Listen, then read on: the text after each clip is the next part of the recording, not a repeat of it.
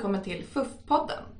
FUF är en förening som sprider information och skapar debatt om globala utvecklingsfrågor. Ni ska nu få lyssna på Parul Sharma när hon träffade ideellt aktiva fuffare för att berätta om arbetet som ordförande i Sveriges Agenda 2030-delegation.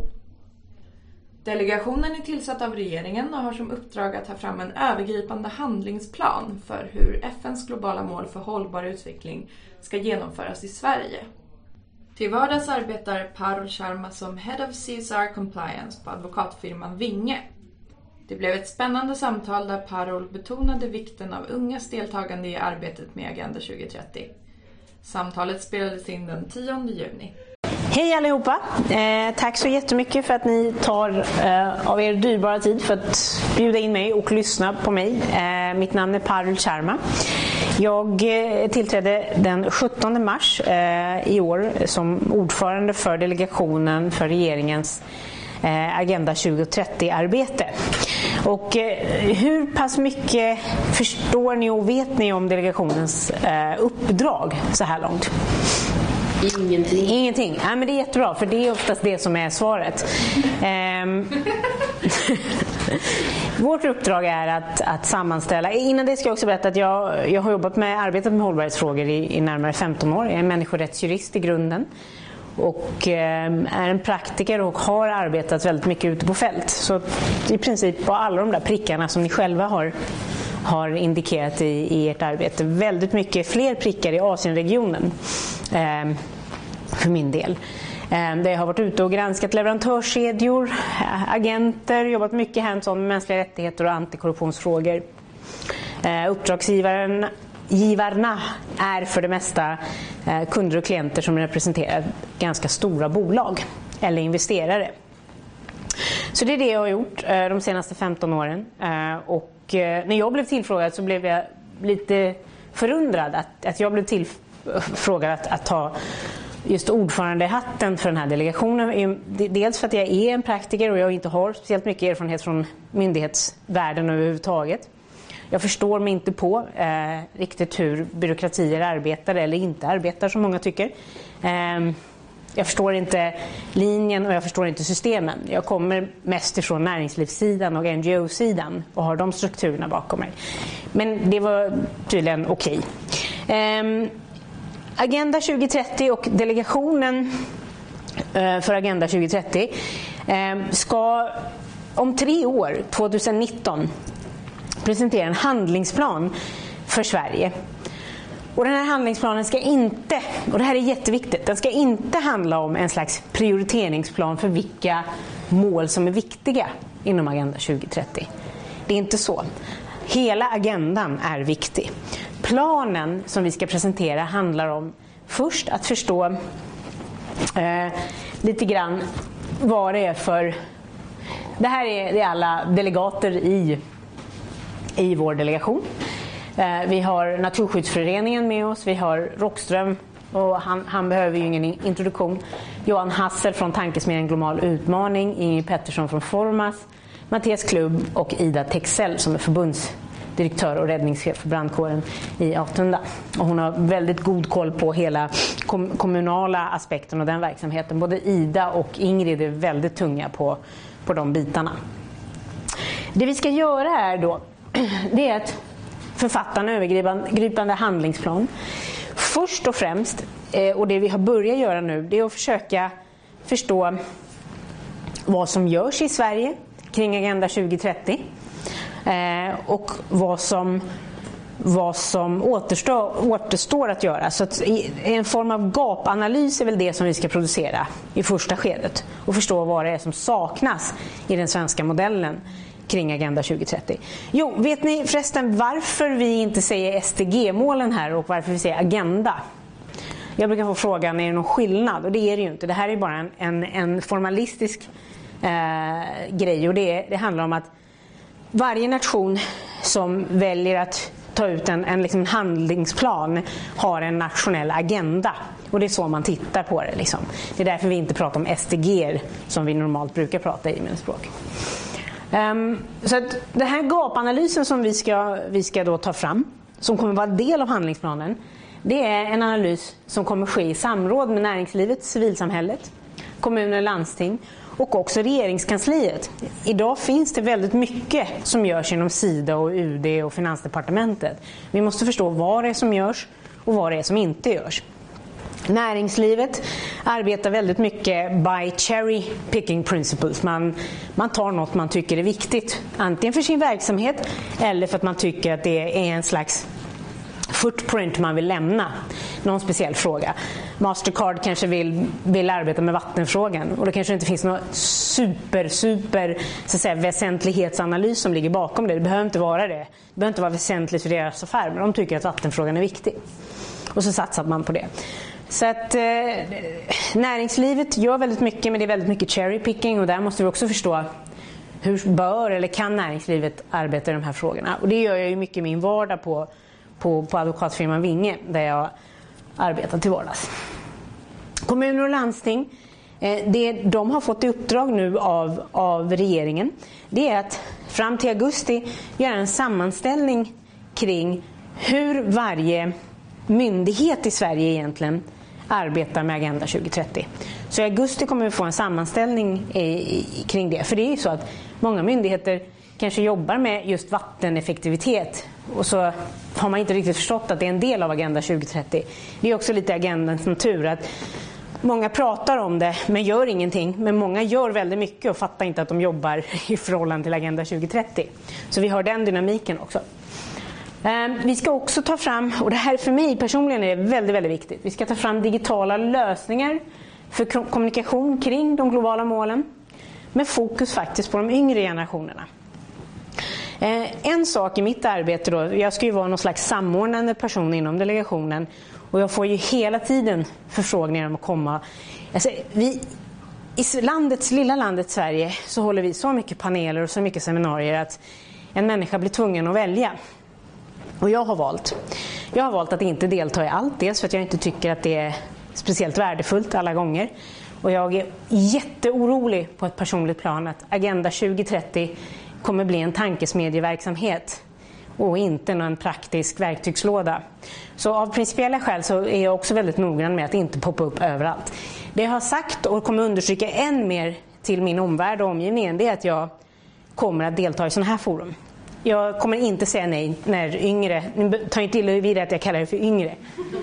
Men jag är jättegammal, jag vet man ser inte det på mig. Men, men så jag är så fjantig också. Men, men, men för mig är det jätteviktigt att nå till de yngre generationerna.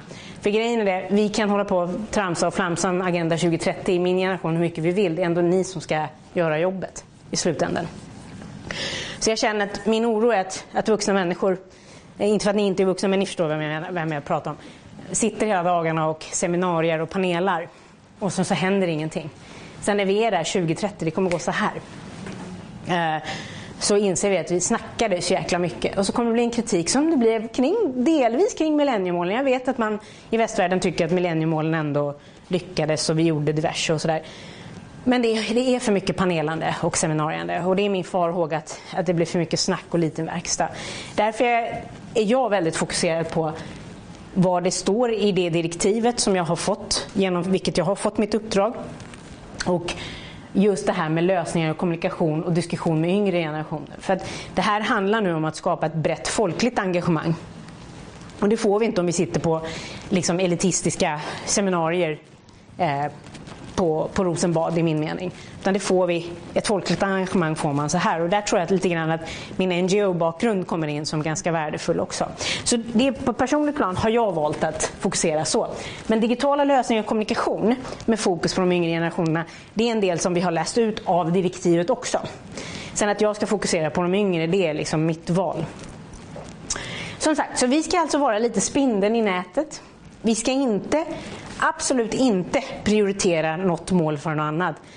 Sen, sen, delegationens arbete, eller delegationens sammansättning och, och vår existens annonserades ut i, i media så, så um, har jag fått, och jag överdriver inte nu, säkert tio e-mails om dagen från olika intressenter säger hur viktig tycker du att ja, vattenfrågan är, flickebarnsfrågan är, majsfrågan är, Alltså det, det är här, jag tycker alla frågor är viktiga.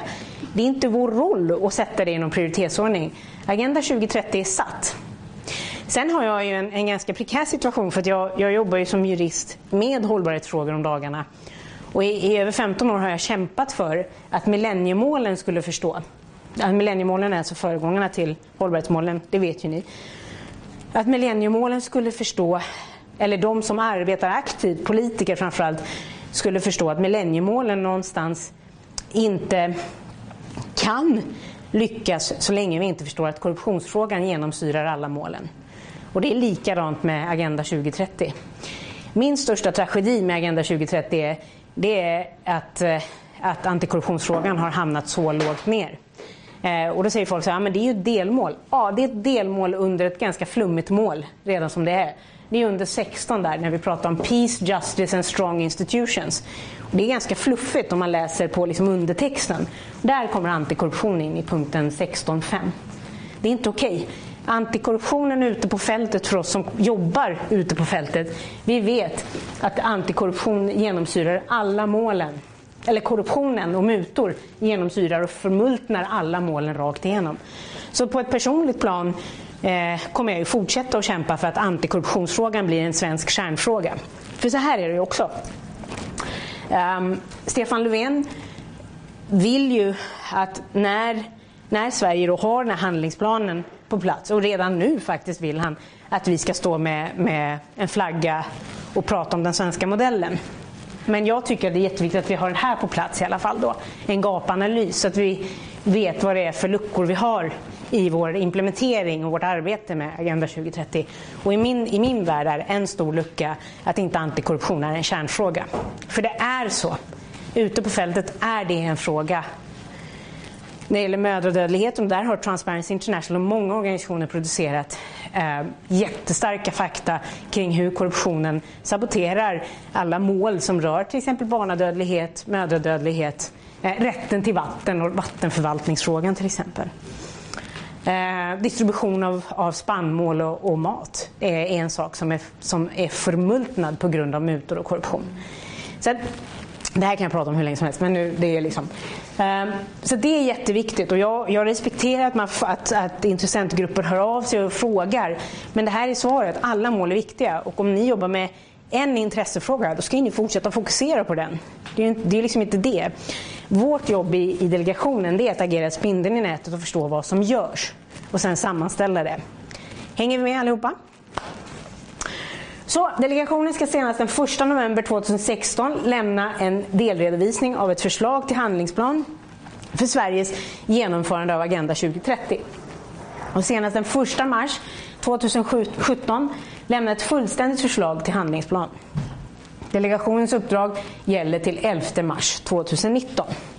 Sen är vi befriade.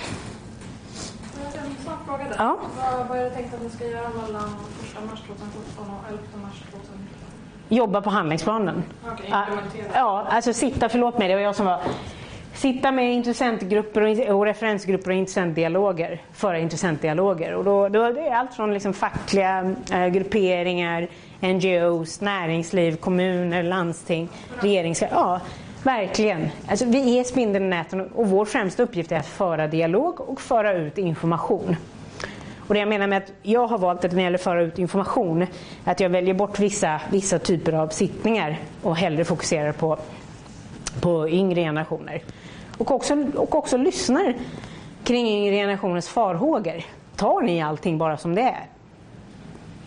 Eller har ni, har ni något kritiskt tänkande liksom kring Ser ni, eller ser ni, ser ni Sverige som liksom världens huvudstad som många av våra politiker gör? Ja, men det är viktiga frågor. Jag, jag känner också att jag måste veta vem det är jag liksom jobbar för. lite grann.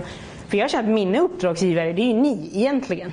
Handen på hjärtat, det är ju inte någon annan. Om 15 år vill jag kunna se barn, och kanske inte barnbarn ändå, men förhoppningsvis barn, barn och, och liksom de kommande generationerna i ögonen och säga så här, men okej, okay, så här blev det. Jag tror inte vi kommer lösa det här på 15 år, för vi har väldigt stora frågor inför oss. Men känns det här som liksom en, en plan?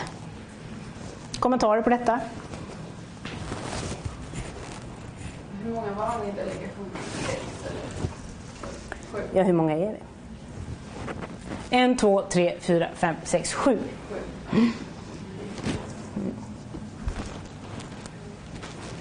Och sen, ja. Hur tror du att man ska jobba för att skapa den här folkliga förankringen så att det inte bara ska bli så här de redan frälsta och samma Ja. seminariegubbar och tanter som, som sitter där och diskuterar. Men där behöver jag, er, ja, ja, där behöver jag er hjälp, verkligen. Jag behöver verkligen er hjälp där. De yngres hjälp. För att, för att hur når vi ut på bästa sätt till era generationer och de efter er? De som kommer, alltså 10 år yngre och, sen, och så vidare. Liksom, jag kan tänka mig att ni är under 30 allihopa. Hur når vi, hur når vi ut på bästa sätt? Jag kommer, jag kommer behöva, ni är ju mina främsta intressenter i princip. Jag har inget bra svar på det, för jag känner att jag representerar ju inte nästkommande, alltså jag är inte nästkommande generation. Jag är nu, nuet och jag är här nu. Då behöver jag bästa möjliga input från er sida. Jag är ledsen att jag slänger över det på er, men jag behöver ju veta hur jag bäst når fram till er och hur jag bäst förstår hur ni vill arbeta med Agenda 2030 framöver. Har du fått input, eller ni fått input hittills vad, vad gäller det? Vad, Handen på hjärtat så har jag bara suttit på såna här seminarier och paneler. Det, ni är den första grupperingen, liksom av yngre, FUF är den första grupperingen som jag träffar. Ehm, jag har fått massa e-mail ifrån, från, väldigt, från unga människor, från olika studentorganisationer och sådär. Det är ingen som egentligen ställer frågor hur vi, hur vi jobbar utan snarare, det finns liksom ingen kritik.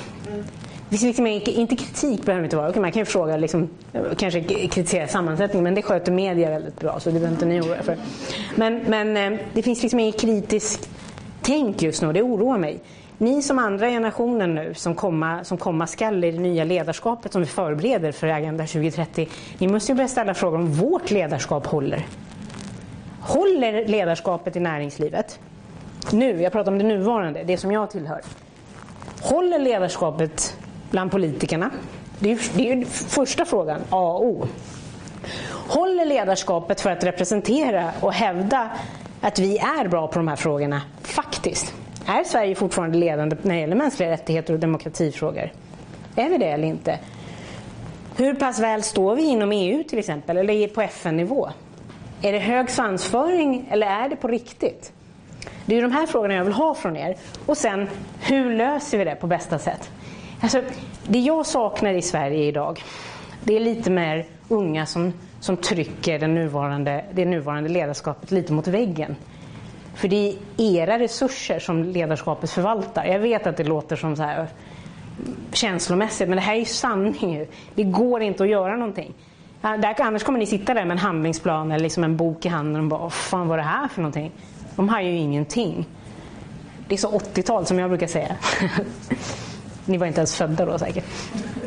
Nej, men liksom det, det är jätteviktigt att, att, eh, att ha dels ett kritiskt lynne, få svar på de här frågorna. För ledarskap är A och O. Kunskap är A och O. Möter syd och nord varandra. Är Agenda 2030 de facto allas agenda? Nej. Det här med antikorruption som jag pratar om. Fråga dem i, på, i liksom sydligare delarna vad de tycker. Liksom, var har den frågan hamnat någonstans? Är det, är, det liksom ett, eh, är det någon slags konspirationsteori bakom det här? Varför man har valt att lägga antikorruption så långt ner? Det är den främsta governance-frågan i allt vi gör. Varför har den hamnat så långt ner? Är det poli- liksom något politiskt debatterande bakom det som har gjort att det hamnar så långt bort? Varför? Det är sådana frågor jag vill ha från er. Sen vill jag ha råd för hur vi går tillväga och når andra ifrån era generationer. Andra intressenter. Mm. Jag har som sagt inget svar på din fråga hur vi, ska, hur vi ska skapa en folkrörelse. Men jag vill ha en viss generationsrörelse först.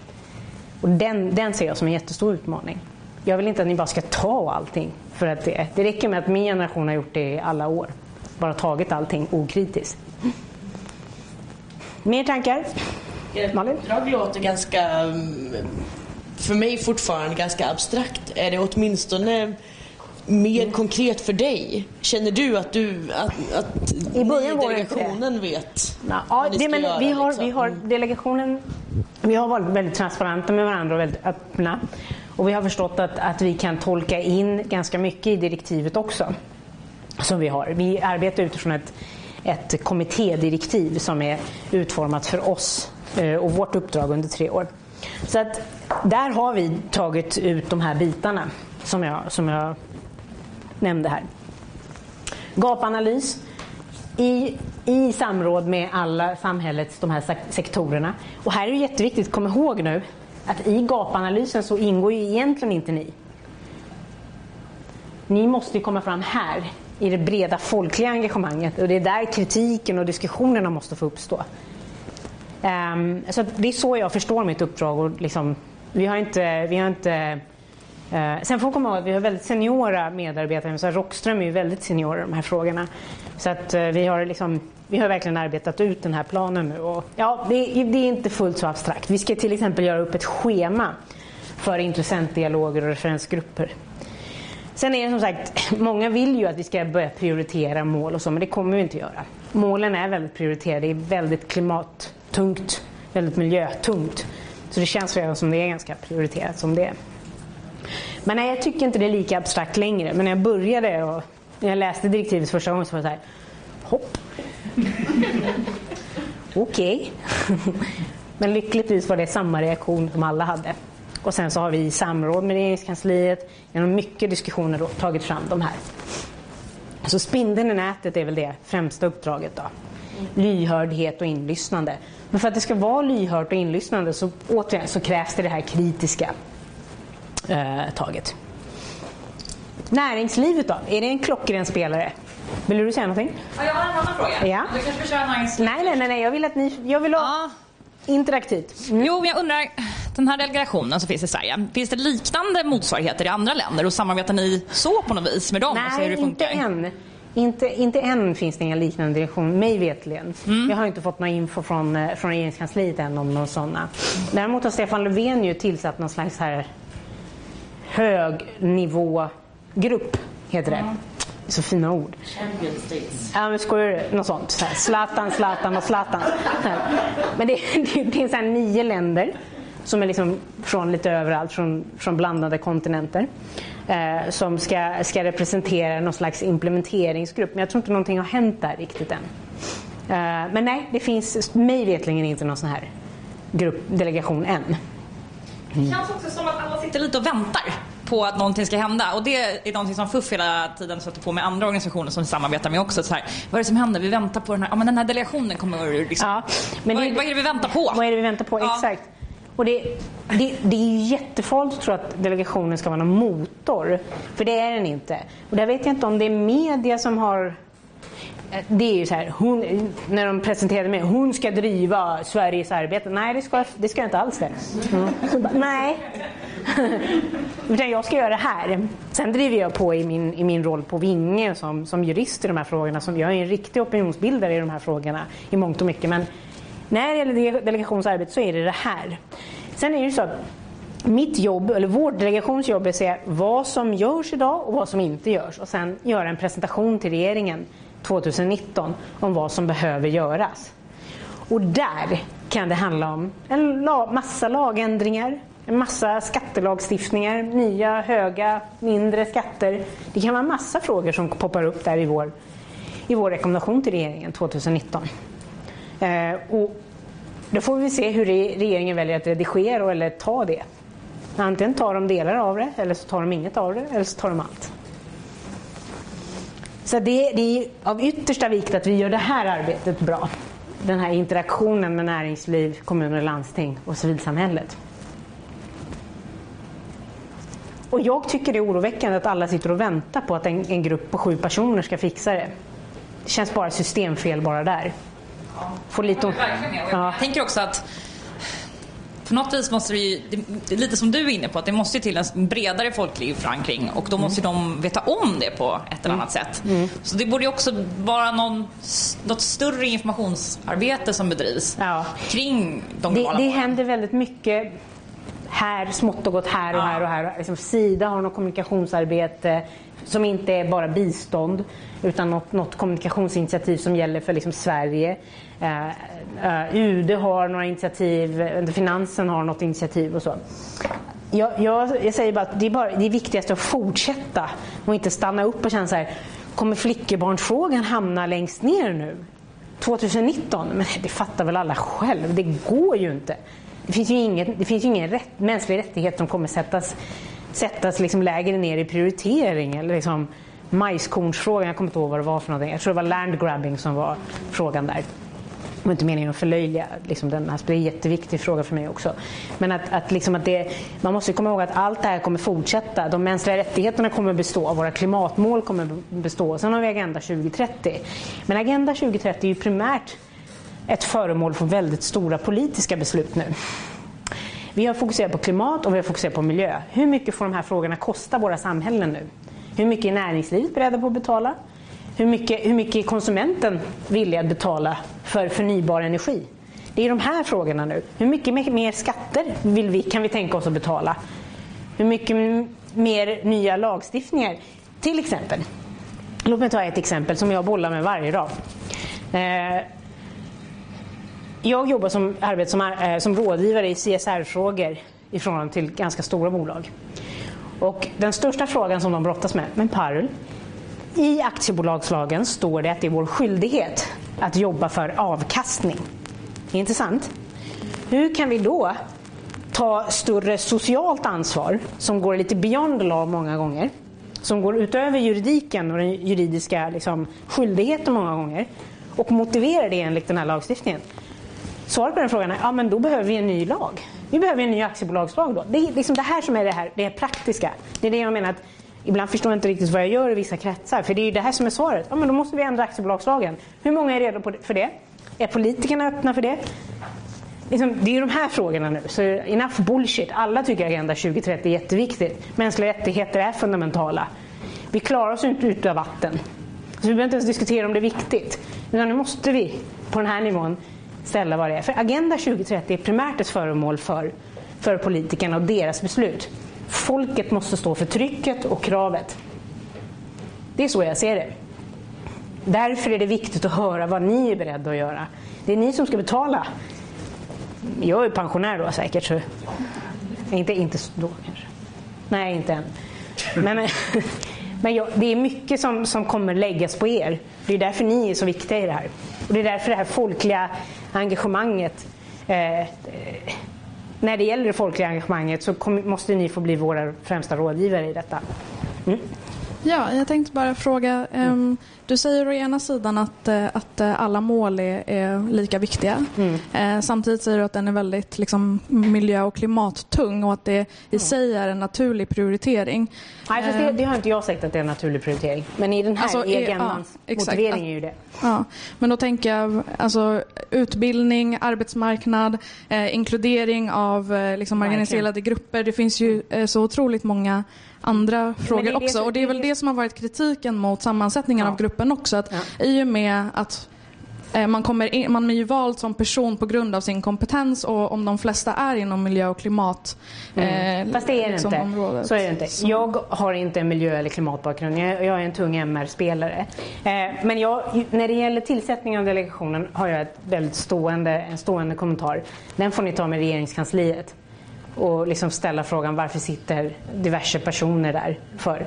För jag har inte varit med i tillsättningen. Nej, jag tyckte bara att det var lite oroväckande att du nämnde det flera gånger att, ja. att det är väldigt mycket fokusering på miljö och klimat. De står inte i kontrast, kontrast till varandra.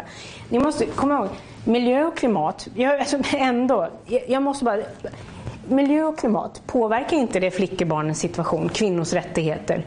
Påverkar inte det lågkastigas rättigheter i Asien? Alltså klimatflyktingar, vattenflyktingar, allt går ju in i varandra. Sen, så kan, sen kan liksom eliten käbbla om att, att eh, nej, det är bättre att vi pratar vattenfrågan, det är bättre att vi pratar om energifrågan. Men om man jobbar med dessa frågor, det är varför jag inte ramlar av stolen och känner så här, de har inte nämnt mänskliga rättigheter, det är bara för att mänskliga rättigheter genomsyrar ju alla de här frågorna. Det är, liksom, det, är du skolad praktiskt så ser du det i det här. Min poäng med Agenda 2030 är att jag är lite orolig för att det ska bli en tankesmedjeverksamhet där man sitter och filosoferar över miljö och liksom miljöns etik och klimatets etik och hur viktigt det är nu att vi utan att vi faktiskt ser, att det är därför jag säger, tycker du att flickebarnsproblematiken är den viktigaste frågeställningen eller antirasism är den viktigaste frågeställningen, då hittar man rum i Agenda 2030. Då jobbar du per se med Agenda 2030. Men det behöver inte stå på ditt visitkort att du jobbar med Agenda 2030. Det är det som är min poäng. Så att jag ser ingen kontrast där. Eller någon, jag har inga farhågor där. Men tillsättningen får, får, får ni prata med regeringskansliet om. Jag reagerade också. Det är inte så att jag inte reagerade heller. Jag tänker bara på uppdraget att ta fram en, en handlingsplan. Det gäller både i Sverige och vår eh, internationella politik. Nej, det är bara Sverige. Bara Sverige? Ja. Så För, för det, mig, för mig är en handlingsplan någonting väldigt konkret. yes. Det här är sjukt stort och mot bakgrund av, av det du säger, ni har inte så lång tid på er. Mm. Det är lätt att det blir liksom flummigt och filosofiskt och stort. Hur gör man en handlingsplan för Agenda 2030? Men en handlingsplan för mig, det har vi också diskuterat. För att vi, alltså jag har ju sett handlingsplaner som är cut and paste produkter som kommer från regeringskansliet. Eh, Allt, från allt kring mänskliga rättigheter till, om man bara undrar, men var ligger handlingen i den här planen? Hur ska jag liksom agera rent fysiskt utifrån den här, här planen? Så att, något sånt kommer det inte vara så länge jag får med och tycka till. Utan en handlingsplan för mig är just de här samhällsmässiga initiativen som måste tas. Lagändringar, policyändringar, eh, tydliga mandat till, till, till kommuner och landsting framför allt. Eh, intryck, kommentarer från NGOs, från eh, näringslivet. Jag tror att det finns en mening med varför man kanske har valt miljö och klimat. Eh, det är ju bara för att det, det råder ju ingen tvekan om faktiskt, rent taktiskt. Och där måste jag ge, måste jag ge eh, de som har formulerat Agenda 2030, alla lobbyister och alla som ligger bakom, att näringslivet har ju en jättestark roll att spela här. De påverkar ju både klimat och miljö mest. Så är det. Det behöver man inte göra mer forskning kring. Ehm, utan jag tror att vi har tillräckligt mycket underlag där som gör att vi nu behöver konkreta strategier. Så att det kommer bli mycket konkreta förslag till regeringen 2019. Sen är det upp till regeringen att välja vad de tycker är viktigt. Där kan inte delegationen göra speciellt mycket. Sen får man komma ihåg att jag är opolitisk. Jag är inte politiskt invald och det är liksom på något sätt. Ehm, jag vet inte vad, vad de andras politiska så att säga, representation är men de är, alla är liksom icke-politiker och neutrala. Så att vi, vi ska ju på något sätt representera folket, förhoppningsvis. Sen om vi gör det eller inte, det är, där är det jätteviktigt att ni också tycker till. Liksom, och skriv till regeringskansliet och fråga. Vad gör Parul där? Vad fan? Eller liksom, ja. Det, det, är sådär, det, är, det är bara att ställa frågan. Vi lever i en demokrati. Det är ni som ska ställa de där frågorna. Jag tror att det är viktigt för FUFs del nu att inte sitta och vänta som du. Nej, jag tror inte att ni gör det. Men att, att faktiskt vara lite kritiska. Jag menar, hur många, till exempel, du ska till New York. Hur många New York-möten ska vi ha under 15 år? Jag är jätteorolig. Sen kommer någon jävla smart journalist som räknar ut hur mycket de här, de här grejerna har kostat och så skäms man när det finns byar i världen som inte har varken el eller vatten. Och så skäms man för att det finns fortfarande liksom inte ordentlig medicinering vid barnafödande för kvinnor. Men, men så åker vi på de här flashiga konferenserna. Det, det är inte sånt här ni ska reagera och fråga. Vad är planen nu under 15 år? Liksom. Och inte haka på liksom, och tycka att det är lika charmigt som, som andra generationer tycker. Tycker, tycker ni att jag är liksom, dumdristig eller för kritisk eller bara vad håller hon på med? Eh, Jag förstår nu att det går inte att ändra delegationen och så. Men eh, jag tänkte på att du poängterade flera gånger att den unga generationen är liksom er fokusgrupp. Och då kanske under 30 eller vad du nämnde. Jag vet inte. Nej, jag, unga Ja, men- som unga, då Ja. pratar jag om mina brorsbarn också som är 8, Ja, 5, ja, 7. Ja, men och liksom, någonstans där då. Ja. Eh, men hur då, om vi har unga då som vill vara med och påverka den här handlingsplanen. Vart vänder man sig Mm. Ni är, intressent, ni är intressentgrupper och referensgrupper. Ja, vad, okej. Och, och, det, är där jag vill, och ni kommer, det är där vi kommer sätta upp en plan nu eh, tillsammans. Vårt kansli har precis kommit till. Vi har ett litet kansli med en kanslichef. Jag är då myndighetschefen. Sen har vi en kanslichef och så kommer vi ha två eller tre undersekreterare. Så 15 juni är vårt kansli up and running. Och när, när vi då har fått igång, vi har en kanslichef på plats nu. Och eh, nästa vecka ska vi sätta, sätta oss med henne och hela delegationen och då göra en plan för intressentdialoger och referensgrupper. Och vi väljer att göra detta. Så, så att det är liksom, det är där ni kommer in. Och jag säger bara börja nu redan. Och jag, jag vill verkligen ha er hjälp. Jag behöver hjälp med det där folkliga engagemanget. Kan vi använda oss av sociala medier? Hur blir vi mer liksom, kritiska? Eh, tycker ni att det är okej att det blir en tankesmedjeverksamhet liksom per se under 15 år? Eller vill ni ha mer praktik? Vill ni ha lagändringar? Säg det då. Vill ni ha, är ni beredda på att betala högre skatter? Säg det då. Eller ska vi inte ha några skatter på vissa avdelningar? Säg det då. Tyck till nu. Men tyck till praktiskt. Var kritiska. Vi behöver det verkligen. Eller jag behöver det känner jag.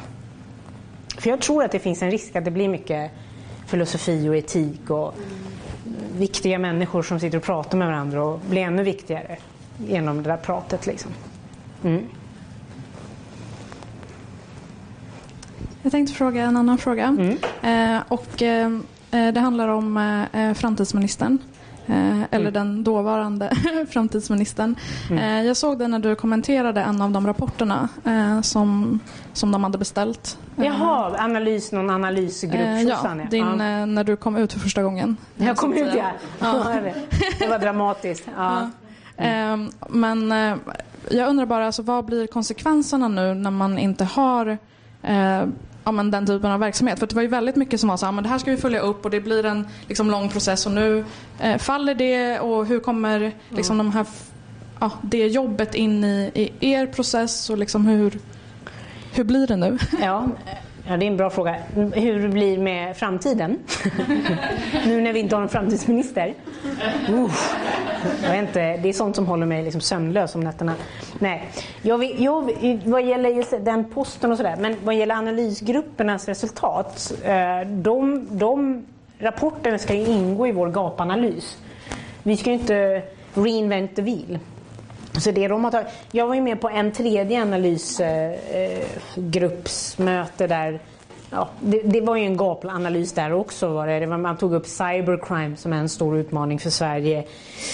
Man tog in människohandel och man tog in det var en, en rad olika såna här eh, aspekter där man kände barnkonventionen där man kände att svenska regeringen behö, behöver sätta in en växel. Men jag vet inte, vi kommer väl eller väl, vi ska ju ta in det i vårt analysarbete också så att vi inte uh, gör om något arbete. Men sen vad regeringen ska göra med det, det vet jag faktiskt inte. Jag har ingen aning. Uh, Löfven sa att framtidsministern får gå för hennes arbete är klart. Uh, Okej. Okay. ja, framtiden är klar. det känns jätteskönt. Så att jag, jag, jag, rapporterna ska ju vi använda också. Så det är ingenting som ska liksom försakas sådär bara. Men i övrigt vet jag faktiskt inte. För det var ju väldigt mycket analysarbete där under henne. Mm. Mm. Någon mer fundering, tanke? Jättemånga tankar. Ja, ja, kom, kom. Eh, vi har pysslat en del med Agenda 2030 och deltagit i olika typer av konferenser och alla de här snacktillfällena som du nämner. Snacktillfällen, Och jag tycker att det är mycket fokus på liksom, politiken, vilka departement är ansvariga för vad och vad kan civilsamhället göra. Ah. Men näringslivet är ju, tycker jag, en superduper viktig aktör som ja. har kanske inte glömts bort men i alla fall inte lyfts lika mycket som de andra aktörerna som Nej. jag nyss nämnde. Du nämnde att ändring av aktiebolagslagen skulle kunna vara ett exempel på hur man involverar dem. Du har säkert tusen miljarder andra tankar. Kan du inte prata med Grejen näringslivet? Det finns många, finns många. Jag, jobb, jag arbetar ju liksom i min dagliga verksamhet mycket med näringslivet. Och, och det är inom CSR-frågor men det är ju liksom, det är samma filosofi, CSR och näringsliv. Det är liksom två ramar som, som snuddar vid varandra. Det är, corporate social responsibility handlar ju om miljöansvar, ansvar för mänskliga rättigheter, antikorruption och arbetstagarnas rättigheter. Det är de här fyra, fyra pelarna som CSR står på. Och mycket av det här är legal compliance som handlar om att, att anpassa sig till de internationella konventionerna och anpassa sig till nationella lagstiftningar i de länder vi verkar i och an, anpassa oss till svensk lagstiftning. Så det är väldigt mycket juridik i det. Eh, Agenda 2030 är ju inte heller annorlunda. Det står ju också för de här fyra pelarna. Så man kan väl säga att det är två ramar som omfamnar varandra och utgör varandras filosofi. Medan CSR handlar om för bolagen att göra en materialitetsprövning. De måste se vilka CSR-aspekter det är som de drabbar eller påverkar genom sin verksamhet textilindustrin måste titta på hur man påverkar miljön, till exempel vattenfrågan och arbetstagarnas rättigheter. Och så gör man en materialitetsbedömning och prioriterar utifrån det och gör en satsning där och ser till att man inte kränker lagstiftningen.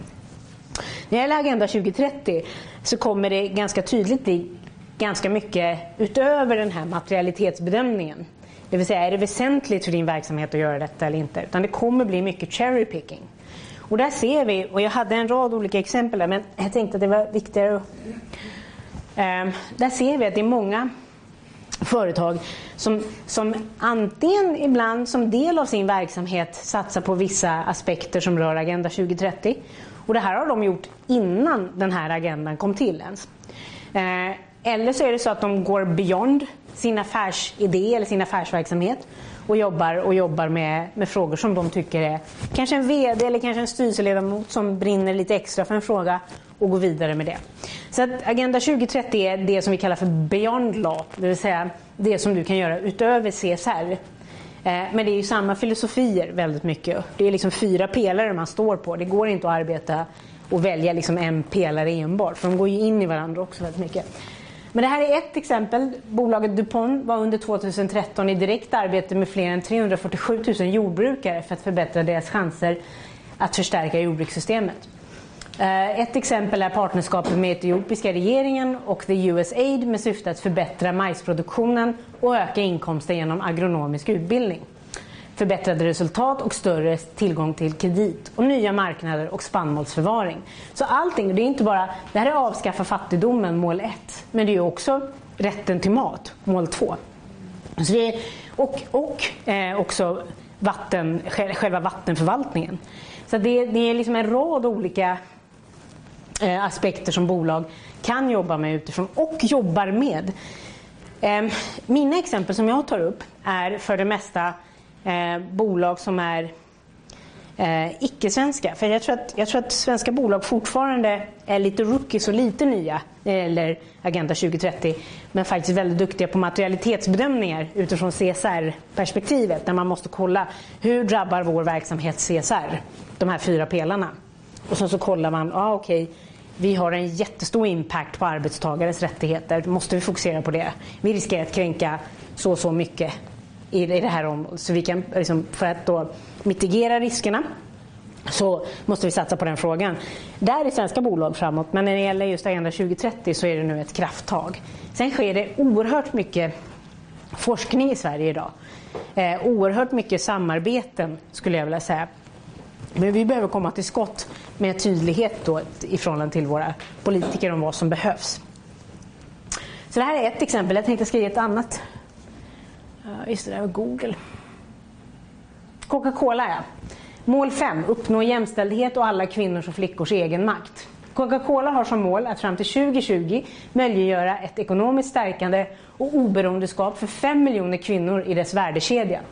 Initiativet kallas 5 by 20 och lanserades under 2010. 5 by 20 hade vid slutet av 2013 stärkt mer än 550 000 kvinnor i 44 länder världen runt. Um, Okej, okay. Coca-Cola har ju också, om man tittar då i, sin, i deras materialitetsbedömning, vattenfrågan som en, en bärande fråga där de verkligen påverkar negativt kan man väl säga. Så det är en fråga som både kommer in i deras materialitetsbedömning enligt CSR-ramen men också som en del av Agenda 2030. Så att där har vi ett bolag som liksom spelar på, på liksom, inom båda ramarna. Så att näringslivet kan göra oerhört mycket. Eh, näringslivet eh, börjar poppa fram mer och mer för att berätta vad man gör. Eh, det som är viktigast här att förstå det är att Agenda 2030 inte får bli en, eh, en sån här eh, free ticket. Att på CSR-planen gör man ingenting. Eh, låt säga att du är ett, ett eh, soda company, inte Coca-Cola, men du har jättestora vattenproblem. Men för att täcka över de problemen, för det skulle kosta så mycket mer att ta hand om dem, så satsar du på två, tre skolor för flickebarn istället. Så det får inte bli någon så här free ticketing. Därför är det jätteviktigt att kritiskt hålla ögonen öppna och säga att detta inte sker. Eh, för det kan ske, och det har skett i det förflutna också. Att man skiter i diverse och så har man en showcase. Och det får inte Agenda 2030 bli för näringslivet. Men ju mer ni och jag och alla andra är vaksamma på det så kommer det inte ske. Mm. Vänner, några minuter till. Sen, sen är det nog dags för mig att, att dra till nästa grej. Yes. Ja, jag tänkte fråga om CSR då och eh, att eh, ändra lagstiftning och så. Mm. Eh, det finns ju många som hävdar att eh, ja, lagstiftningen är ju reaktiv och den kan aldrig liksom vara så eh, skarp så att det... Är lagstiftningen reaktiv? Hur menar man då? Eh, alltså att man förbjuder när man inser att grejer är dåligt. Typ. Kan man ge ett sånt förslag? Eller förslag på en sån lagstiftning Ja. som har poppat upp? Men jag menar att det blir alltså som att en reaktion till verkligheten att oj då nu blev det väldigt mycket miljöförstöring, då måste vi lagstifta om det. Men vi, det var inte det, det viktigaste Nej, i frågan. Eh, men, men frågan handlar alltså om eh, hur man kan se till att, att företag, alltså det här med win-win inom CSR, att man, att man gör det för att det ligger i ens egen intresse och att det liksom genomsyrar eh, affärsmodellerna mycket Ja. mer eh, och att, eh, att komma ifrån den här filantropiska liksom, dimensionen som har genomsyrat CSR som begrepp liksom, tidigare. Ja. Eh, hur kan man göra det så att det inte blir... Alltså, nu måste ju företagen verkligen steppa upp och göra verkligen beyond law. Vi kan ju inte... Alltså, om vi ska lagstifta om varenda grej som de måste förbättra då blir det ju jättesvårt och de här lagändringsprocesserna tar ju väldigt lång tid. Det är ju mycket enklare för företagsledningen att fatta beslut än för en lagstiftning att gå igenom. Så hur kan man uppmuntra till att ja, men de här som frågar dig, ja, men vi ska bara eh, leverera avkastning. Hur får man dem att inse att ja, men du levererar avkastning långsiktigt genom att faktiskt göra det här? Eh, Fast jag tycker vi ska vara lite ödmjuka till. Vi pratar om en bransch nu, eller ett område som näringslivet, som är gromade och tränade i att tänka kvartalsmässigt. Hur ska du få dem att tänka hållbart? Jag pratar om nästa generationer. Hur ska vi få dem att börja tänka så? Det här är ett paradigmskifte som måste till någonstans, men det, det är en aspekt. Det andra du sa om filantrofi och, och eh, att det har genomsyrat CSR i väldigt många år. Grejen är, vi måste vara lite försiktiga där också. Det finns väldigt, väldigt stora länder på vår världskarta som har en tradition av bolag som har byggt upp städer, kliniker och infrastrukturer runt väldigt fattiga områden. Gruvindustrin är ett sådant exempel till exempel. Så vi ska vara jätteförsiktiga med att basha ner de initiativen. För de har faktiskt gjort väldigt mycket för, för väldigt, väldigt, väldigt urholkade och fattiga samhällen och byggt upp. Vi kanske inte ser så mycket här. Jag menar, vi, har, okay, vi har lite LKAB-exempel i och Boliden-exempel i Norrland och samerna. Men och det är också efter mycket tryck och påtryckning och så. Men min poäng är, jag tror lagstiftningar finns så det räcker. Tror jag. Det jag menar med handlingsplanen det är att vi behöver vissa lagändringar här hemma för att, för att många ska förstå. Eh, jag tilltalar, eller jag eh, adresserar aldrig näringslivets etik och moral. Att nu måste vi gå beyond law. Det har inte funkat så här långt och det kommer inte funka framöver heller. Därför, från er sida och från min sida är det jätteviktigt att vi påpekar ledarskapet. Har vi det ledarskapet som krävs i förhållande till de utmaningarna vi har? Det är den frågan som vi ska ställa egentligen. Inte trycka på någon individs moral. Liksom, eller, eller någon, någon, någon. Vi har, I Sverige har vi en liten prekär situation där det är, egentligen, vad är det? det är sju familjer som i princip äger hela vårt näringsliv. Ska jag bara sätta mig och skriva ett brev till alla de sju? Nej, utan vi måste fråga oss var, var står ledarskapet idag? Hur pass färdiga är de i de här frågorna? Hur ser nästkommande ledarskapet ut? Är de beredda att träna, att träna sig i att tänka sig beyond de här kvartalsrapporterna? Det, det är tvåan. En annan sak som jag tänker att det kommer upp en rad olika lokala lagstiftningar idag. Som eh, i Indien, Indien är ett bra exempel där. Indien är det första landet i världen som har infogat en CSR-klausul i sin bolagsstyrning. Eh, I sin bolagsordning, förlåt mig. Eh, och det är liksom motsvarande aktiebolagslagen. Eh, och eh, där är det jätteviktigt att, att förstå att man faktiskt har utifrån Agenda 2030 ganska mycket tagit fram en rad olika fokusområden där man vill att företag och näringslivet ska fokusera sitt arbete på. Eh, Att för oss säga att det är charity eller välgörenhet, det är inte vår sak.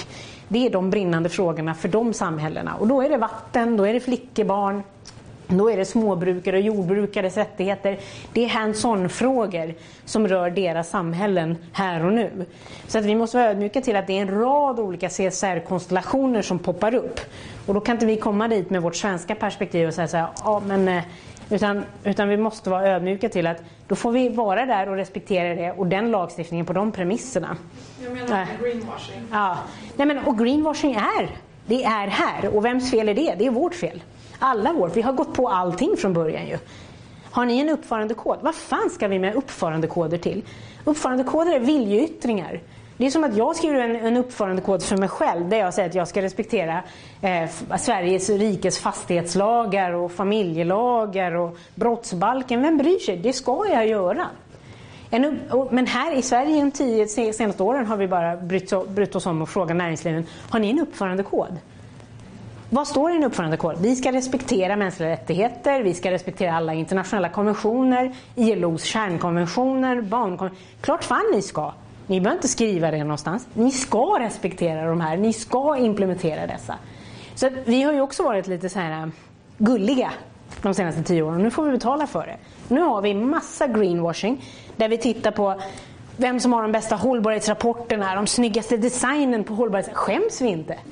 Men alltså vi inte skäms. Och så har vi stora konferenser på Grand om detta. Det är där ni ska hoppa till och ryta ifrån. Verkligen. Mm. Mm. Okej, okay, så du säger att du eh, vill fokusera ganska mycket på unga. Mm. Då kan jag ju glädja dig med att vi ska hålla en utbildningsvecka tillsammans med Sida i Härnösand mm. veckan efter midsommar. Mm. Med verkligen fokus på att de ska få lära sig om att veckan det här finns. Veckan efter midsommar? Ja. Okay. Eh, och det är en ganska ny målgrupp, alltså inte sådana som vi som sitter här som redan är frälsta utan sådana som kanske inte redan känner till det här. Eh, och då är ganska stort fokus på vad kan de göra mm. för att förverkliga mm. Agenda 2030. Vad är ditt mm. medskick till dem? Mm. Jag ska medskick. Jag skulle vilja att man funderade på just de här områdena. Eh, dels ledarskapsfrågan. Alltså det är på riktigt nu verkligen. Är ni nöjda med det ledarskap som finns idag? Agitera kring ledarskapsfrågan. Då pratar jag politiskt ledarskap och så pratar jag näringslivsledarskap. För det är ändå, näringslivet har en great impact när det gäller Agenda 2030. Eh, de på, kan både påverka väldigt, väldigt negativt och väldigt, väldigt positivt om man så vill. Mycket mer än vad våra rådande politiker Eh, kan göra. Och sen så skulle jag vilja att ni diskuterar kring alternativa rörelser nu.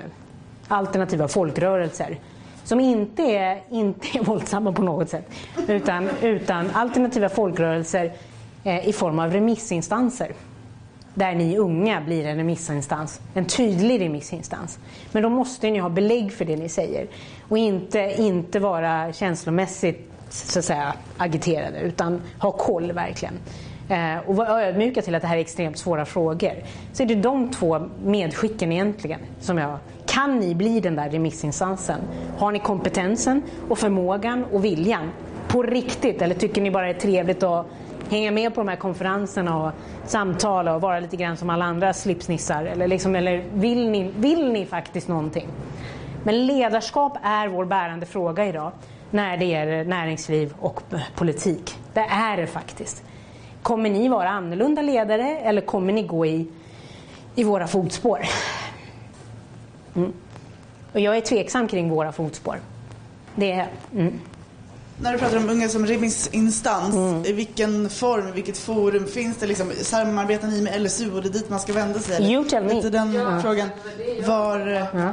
var, vem, vem är man och vem ska vända sig? Nej, vi, om vi säger att vi har några unga här som är jätteengagerade i de här frågorna och vill vara med och påverka. Ja. Liksom. Nej, men jag pratar om en folkrörelse, inte några unga. Nej, jag men det om, måste ju börja någonstans. Liksom. Men jag, jag pratar om att nu att sammankalla yngre massor mm. är ett mycket större liksom, hänseende. Som miljörörelsen är ju ett bra exempel i Sverige mm. ändå mm. för det. Men alltså jag mm. tänker just gentemot delegationen i den här handlingsplanen. Liksom. Ja. Nej men mm. det, det ska inte ni riktigt då, det är ju delegationsuppgift att kalla in er i det. Det är en helt annan, det finns ju formalia till det när vi väl har en plan. Så det ska ni skita i fullständigt. Ni, liksom, det, där, där är ju vår uppgift att kalla in intressenter. Min, min, min medskick var snarare eh, hur kan ni bygga upp de strukturerna då? Och, och motivera att ni väljer att gå i de fotspåren som finns eller ni väljer att faktiskt vara en remissinstans till liksom ett annat sätt att arbeta också. Och hur kan ni, vad anser ni om ledarskapet idag? Och vad är det för ledarskapskompetens som ni vill ha framöver? För den måste ju komma med er någonstans. Så det är väl egentligen, för mig är det bärande frågor. Um, en anledning till att den bärande, alltså kärnfrågan för alla, alltså att antikorruption har fallit bort, det är för att vi, vi har inte tillräckligt mycket med pondus i ledarskapet. Man vågar inte ta upp det. För så fort du tar upp en sån fråga så kommer det beröra din verksamhet och ditt område. Politikerna till exempel. Det är så tung nepotism inom svensk politik idag. kompiskorruption, delikatessjäv. Börjar vi prata om de här frågorna, det blir jättejobbigt för allihopa. Men vi måste göra det. Kommer ni kunna göra det på ett bättre sätt eller kommer ni gå in i samma modus operandi? Så det är väl det, de medskicken. Liksom, tänk inte Agenda 2030, tänk på de här två sakerna först. Har, kommer ni kunna dra, dra igång någon rörelse bland unga? Det behöver inte vara någon så här åldersdiskriminering där, men alltså att, att man, finns det någon garanti för att ni, i alla fall ni, nästkommande generationer kan vara någorlunda samstämmiga och komma överens om att det här behöver vi i form av ledarskap. För har vi rätt ledarskap så kommer vi också få de rätta besluten. De ärliga besluten. Där, där girighet och, och rädsla inte liksom ingår som två komponenter, känner jag. Det är därför jag vill prata med yngre, för jag tror att jag, jag känner lite grann att det är de här frågorna jag måste ta upp nu mer. Mm. Ibland är det lite som att prata med en, en vägg när vi sitter på de här lite finare konferenserna på Rosenbad eller i New York eller vad det är. Mm. Och då är jag inte bitter på något sätt men, men det, jag tror jag ser mycket hopp i det. Mm. Jag bara tänkte på en sak till kring det här med, med näringslivet. Mm. Ehm, och att de pratar om att de ska deras, eh, enligt lagen, det de ska göra är att, eh, att jobba med avkastning. Men mm. Fast det är det ju. Det, finns ju. det är ju aktieägare som ska ha sin avkastning. Liksom. Jo, jo, jag vet. Men, ja. men jag, bara fun, jag bara funderar på eh, mycket av sånt som kallas för CSR-arbete. Det kan, det kan ju ses på två olika sätt. Som att man eh, som att man gör saker för att främja mänskliga rättigheter mm. eller något av de andra de här fyra pelarna som du pratade om. Mm. Eller ska man se det som att man gör saker för att motverka de brott mot mänskliga rättigheter som företaget redan står för. Ja, det måste eh, och man det, ju Och det är ju det som är, ja. Alltså, ja. I grund och botten så är det ju det de flesta sysslar med fast ja. de kallar det för att de liksom jobbar med CSR. Jobbar ja. med CSR fast det de egentligen gör är att motverka att, att Tack företaget ja, men det bryter mot mänskliga rättigheter. Och, och då mm. finns det ju inga mm. hinder i, i aktiebolagslagen för att man ska göra nej, nej. det arbetet. Nej, nej. nej, men du får inte bryta mot något. Så här är det. Du ska, satsa, du ska jobba med din avkastning. Du får inte, du får inte vara på bekostnad av mänskliga rättigheter eller miljö. Det, det, är liksom, det är två olika. Men eh, det som är viktigt att förstå också är att vi, vi, vi, står inför ett näringsliv idag som har väldigt få förebyggande system och väldigt lite kompetens inom mänskliga rättigheter, miljö och, och liksom klimatfrågor också. Så att, eh, det är också en uppmaning till er. Vi, vi behöver jag håller på att rekrytera till, till min, min eh, avdelning. Alltså jag får ju leta med ljus och lykta. Dels för en person som är tillräckligt affärsmässig så man kan förklara och förstå affären. Du måste förstå hur, hur de du rådger fungerar också. Eh, men också förstå ödmjukheten inför omvärldens eh, utmaningar och att det händer väldigt mycket i de här länderna som vi gärna adresserar som, som svaga länder eller med svaga styrsystem och sköra länder. Eh, men också som kan Eh, det internationella konventionssystemet. Det är också jätteviktigt. Mänskliga rättigheter och, och liksom eh, ILOs kärnkonventioner är väl jättelätt att läsa om i teorin men hur jobbar du med dessa frågor i praktiken? Så det finns väldigt få praktiker där. Så att eh, inte speciellt mycket förebyggande arbete och det känner jag, det gör jag ju mycket i min verksamhet på Vinget. Jag jobbar mycket med att sätta upp system på plats och, och också be företag att hela tiden jobba med att prioritera kunskap internt. Äga CSR-frågan internt. Det är nummer ett. Men eh, den, den, andra, alltså, den stora verkligheten är att, att många bolag fortfarande jobbar mycket med brandsläckning, tyvärr. Det är mycket brandsläckning.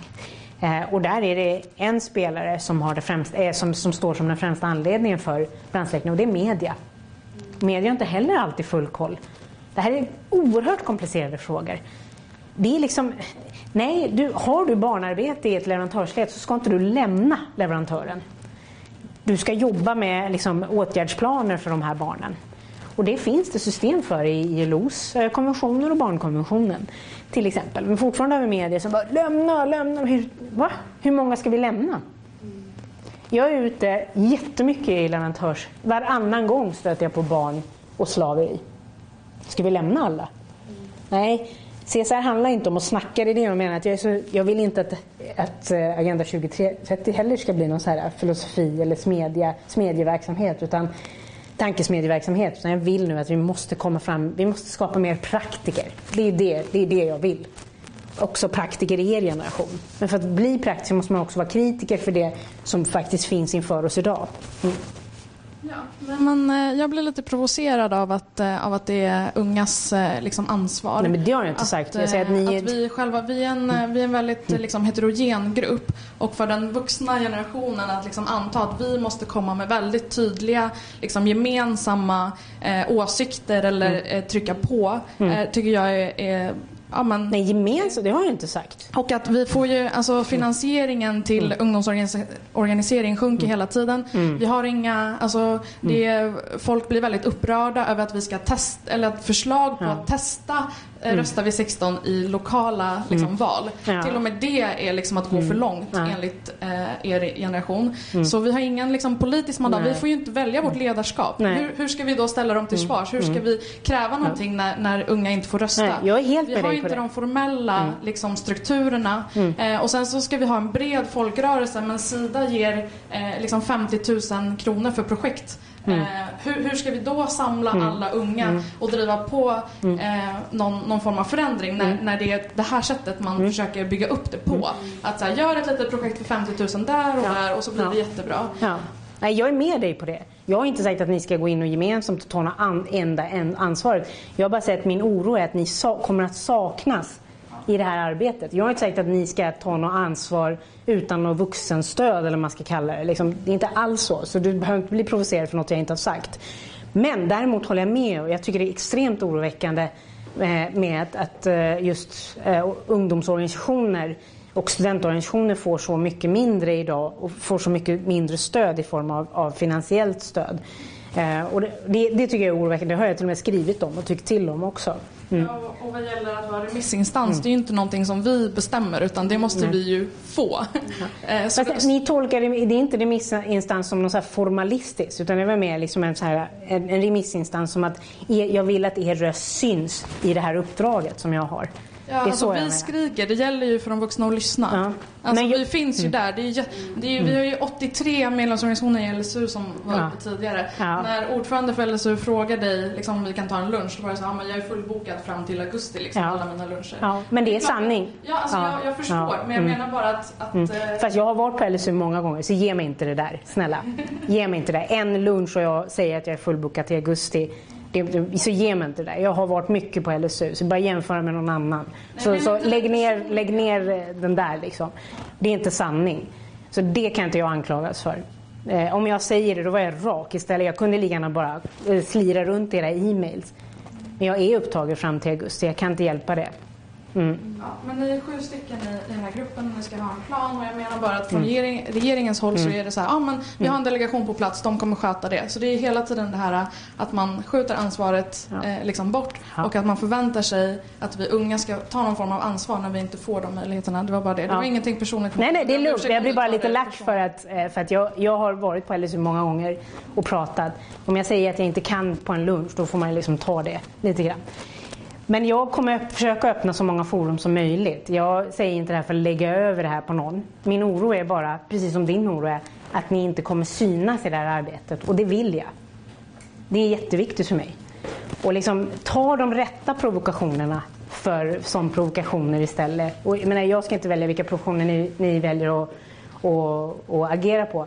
Men jag, min eh, min önskan i förhållande till er det är att vara lite mer kritiska i förhållande till det rådande ledarskapet.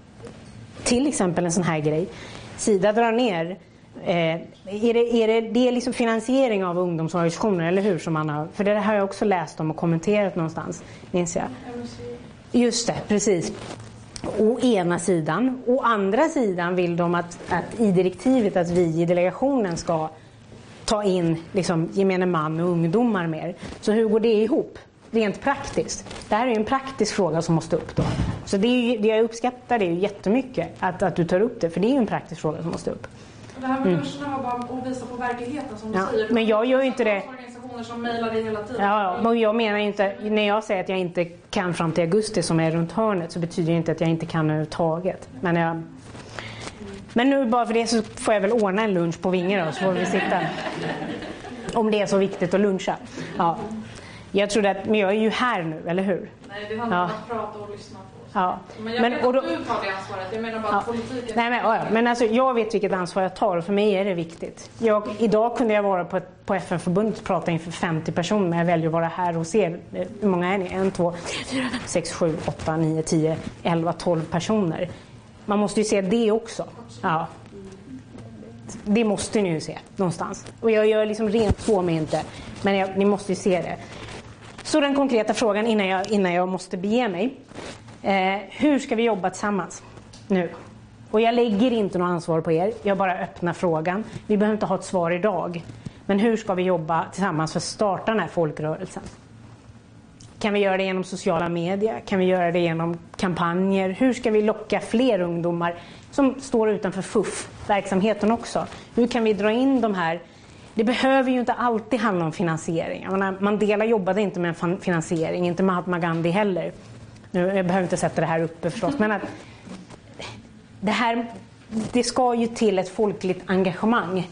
Måste vi jobba, kan vi jobba med ett folkligt engagemang utan, utan någon typ av kanske finansiering? Finns det andra sätt som vi kan jobba på?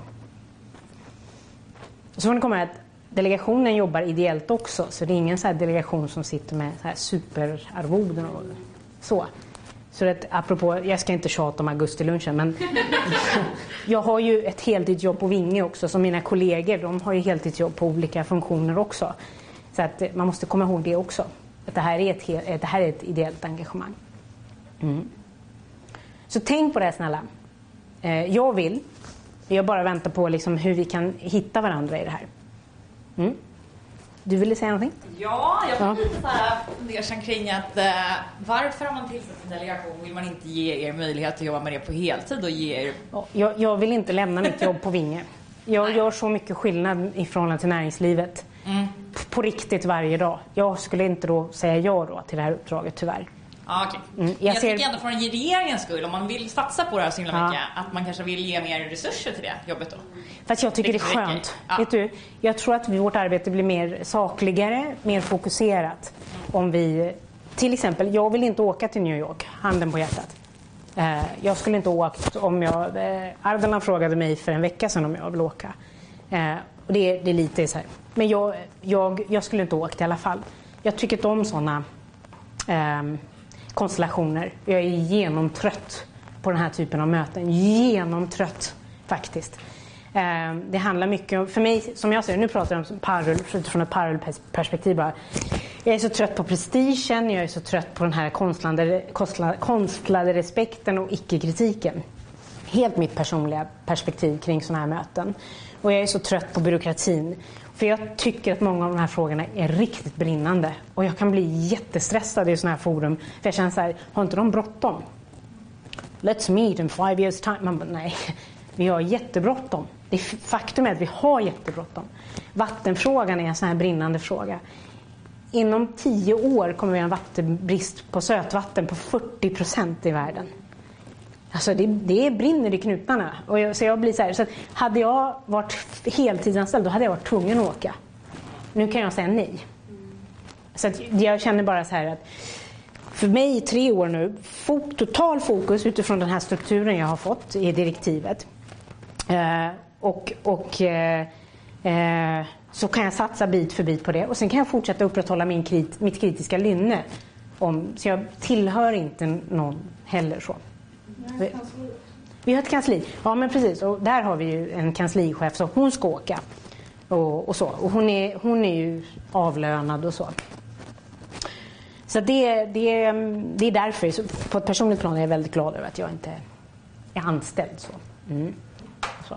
Jag ber om ursäkt om jag, om jag eh, kan, kan vara lite sådär eh, eh överkritisk och kanske den här ledarskapsfrågan tycker jag är så viktig nu för att det handlar om ställningstagande och beslutsfattande och faktiskt ansvar. För om inte vi lyckas med det här, vem är det som bär ansvaret då? Jag är inte helt säker på vem det är som bär ansvaret. Jag vet inte. Är det jag? Jag vet inte. Vem, ni, hade, ni hade någonting kring ansvar innan jag kom va? Ansvarsutkrävande. Ja. Så det här med accountability, whose accountability? Vems, jag, jag tror inte att ens att det är en aktör. Men jag tror att politiker har en jättestor eh, hand i det här. Eh, men politiker kommer och går. Regeringar byts. Så det här med ansvarsutkrävande, jag vet inte riktigt hur och när. Och det är därför jag tycker faktiskt då att lagstiftning är ett väldigt viktigt fenomen ändå. Och det måste gå snabbt, men jag håller med. Det är, det är processer som tar väldigt många år.